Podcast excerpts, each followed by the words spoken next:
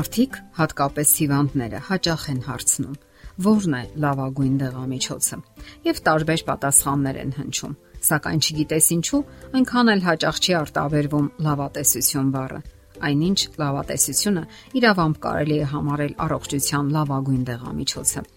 Ամերիկացի միլիոնատեր Հարվի Մաքքեյ այսպիսի միտք է արտահայտել. Ամեն առավոտ արթնանում եմ եւ ինքս ինձ ասում Ես կարող եմ ընտրել լավ տրամադրությունը կամ վատ տրամադրությունը։ Ես ընտրում եմ լավ տրամադրությունը։ Ժպտացեք եւ հաճախ խոսեք մարդկանց հետ։ Մռայլվելու համար հարկավոր է օգտագործել 72 մկան, իսկ ժպտալու համար 14։ Ժպիտն առաջինն է, ինչ նկատում ես ուրիշների մոտ։ Հայտնի է, որ առողջությունն ու բնավորությունը սերտորեն կապված են։ Ուրախ սրտին հատուկ է իրատեսական լավատեսությունը Շատերը գիտեն հոգեբանական այս նրբերանգը կամ օրինակը։ Տեսնելով կիսով չափ լցված ջրով բաժակը, լավատես մարդը մտածում է, որ այն կիսով չափ լիքն է, իսկ վատատես մարդը նույն բաժակի առումով մտածում է, որ այն կիսով չափ դատարկ է։ Որոշ մարդիկ բաց թողնելով բարեպատե հնարավորությունը ինչ որ բան անելու կամ ասելու, մտածում են, որ այլևս վերջ, ամեն ինչ կորած է։ Իսկ ահա ոմանք էլ դրա հետևում տեսնում են նոր հնարավորություններ, նոր լավատեսական հերանեկարներ։ Նրանք ասում են. այժմ ես ավելի շատ ժամանակ ունեմ, որը կարող եմ նվիրաբերել իմ ընտանիքին կամ այլ հետաքրքրությունների։ Ինչ կարող է տալ մարդուն լավատեսությունը։ Հիանալի պայծառ ու հույսերով լի հեռանկարներ, որը բարելավում է առողջությունը եւ երկարաձգում կյանքը։ Հելսինկիի եւ Տուրկուի համալսարանները Լոնդոնի համալսարանական քոլեջի հետ մեկտեղ կատարել են հետազոտություններ եւ ողրզել, որ կյանքի հանդեպ դրական աշխարհայացքը մեծապես նպաստում է առողջական վիճակի բարելավմանը եւ բարձրացնում իմունիտետի մակարդակը։ Մարդու առողջությունը բարելավվում է տարբեր չափանիշներով։ Այն ավելի Նա ավելի թեթև է տանում կենսական ցնցումները, հիմնախնդիրները, հարազատների կորուստը եւ այլ անսպասելի բացասական իրավիճակներ։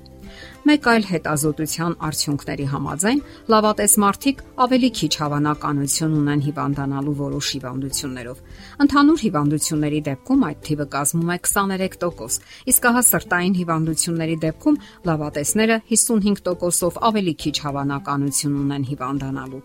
Հասկանալի է այն մեխանիզմը, որը լավատեսներին դրթում է ընտրելու առավել հետաքրքիր ու բազմաբովանդակ կյանքը Նրանք որոնում եւ տեսնում են նոր հնարավորություններ, ինչպես ավելի հետաքրքիր եւ գունավոր դարձնեն կյանքը։ Իսկ ահա վատատեսները ամեն ինչ տեսնում են միայն սև գույներով։ Լավատեսները որոշում են կայացնում, որ պետք է դադարեցնեն ծխելն ու խմելը, պետք է զբաղվեն սպորտով, պետք է հետևեն առողջ կենսաձևի սկզբունքներին, ավելի շատ մրգեր ու բանջարեղեն օգտագործեն, որpիսի ավելի երկար ու հետաքրքիր անցկացնեն իրենց կյանքը։ Այս ամենին անհրաժեշտ է ավելացնել նաև դեպրեսիան, որը վատատեսների հիմնական ախտերից մեկն է, եթե ոչ ամենահիմնականը։ Այս հիվանդությունն ինքնին մի ամբողջ հիմնախնդիր է։ Այսօր ամբողջ աշխարհն է տարապում այս հիվանդությունից միայնությունը, հորետեսությունը կամ վատատեսությունը հոգեբանորեն անկճում եւ համարյա հոգեբանական հաշմանդամության են հասցնում մարդուն։ Այն մարդուն զրկում է բնականon ապրելու ուրախությունից կյանքի པարս հաճույքներից։ Ամեն ինչ երևում է գորշ մռայլ գույների ներքո։ Վատատես մարդիկ կարծես չեն ապրում իրենց կյանքը։ Ամեն ինչի մեջ նրանք տեսնում են միայն վատը, բացասականն ու անհույսը։ Մարում է հետաքրքրությունը կյանքի հանդեպ։ Ոչ քիչ դեպքերում մարդիկ սկսում են ձեռք բերել առողջության համար վտանգավոր սովորություններ, ալկոհոլ, ծխախոտ, թմրանյութեր։ Իսկ երբեմն նրանք ձեռք են բարձրացնում սեփական կյանքի վրա։ Մենք արդեն նշեցինք, որ լավատեսությունը բարելավում է սիրտանոթային համակարգի աշխատանքը։ Մի փորձի ժամանակ նույնիսկ ողրզվել է, որ այն դրական է ազդում նույնիսկ աթերոսկլերոզի ժամանակ, դանդաղեցնելով դրա զարգացումը լավատեսությունը սատարում է նաև իմունիտետին։ Ապացուցվել է նաև, որ լավատեսությունը դրական է ազդում բոլոր տարիքի մարդկանց իմունային համակարգի վրա, իսկ ահա վատատեսությունը թուլացնում է այն։ Նկատվել է, որ լավատեսությունը բարելավում է լեյկոցիտների ընդունակությունը, որpիսի ոչնչացնեն բացիլներին, քաղցկեղային բջիջներին եւ այլ նյութերի, որոնք ընկճում են իմունային համակարգը։ Սա նկատել են կրծքի քաղցկեղով հիվանդ կանանց մոտ Լավատեսությունը եւ հասարակական սատարումը օգնել է, որ նրանք սատարեն սթրեսի հետևանքները։ Հետաքրքիր հայտնագործություն են արել Ֆինլանդիայի գիտնականները։ Նրանք հայտնաբերել են, որ լավատես անznավորություններն ունեն ավելի առողջ սովորություններ։ Նրանք ավելի շատ են օգտագործում մրգեր, բանջարեղեն, սալատներ եւ այլն։ Իսկ ահա վատատեսները ավելի հաճախ են հակվում ալկոհոլին եւ քիչ են օգտագործում բջջանյութ պարունակող սննդամթերքներ։ Խոսել լավատեսության մասին եւ չխոսել ծիծաղի մասին անհնար է։ Լավատեսությունը ծիծաղն ու ժպիտը համարյա միշտ միասին են։ Կարնեգին ժպիտի մասին այսպես է արտահայտվել. Ժպիտն անարժեք է, բայց արժեքավոր։ Երբևէ մտածել եք, թե որքան դրական ազդեցություն ունի անկեղծ ծիծաղը մարդու առողջության վրա։ Հումորը եւս շատ կարևոր դեր ունի մարդու կյանքում։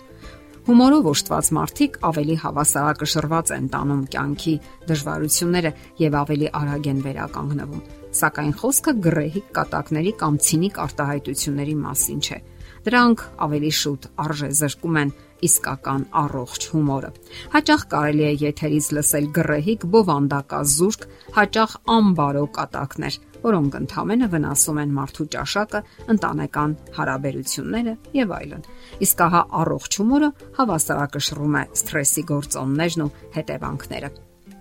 Ասենք որ ծիծաղը մեծացնում է լեյկոցիտների ու լիմֆոցիտների քանակն ու արդյունավետությունը արյան մեջ, ինչպես նաև բարձրացնում է պաշտպանական հակամարմինների մակարդակը։ Ծիծաղն իսկապես աշխուժացնում է իմունային համակարգը։ Սակայն դա դեռ ամենը չէ։ Ծիծաղը բարելավում է արյունատար անոթների ընդարձակվելու ընտունակությունը եւ նվազեցնում է սթրեսի հորմոնների ազդեցության մակարդակը ծիծաղը նվազեցնում է նաև արյան մեջ շաքարի մակարդակը։ Դե ինչ, եղեք լավատես, հումորով, ծիծաղեք եւ կապրեք երկար։ Եթերում է առողջ ապրելակերպ հաղորդաշարը։ Ձեզ հետ է Գեղեցիկ Մարտիրոսյանը։ Հարցերի եւ առաջարկությունների համար զանգահարել 033 87 87 87 հեռախոսահամարով։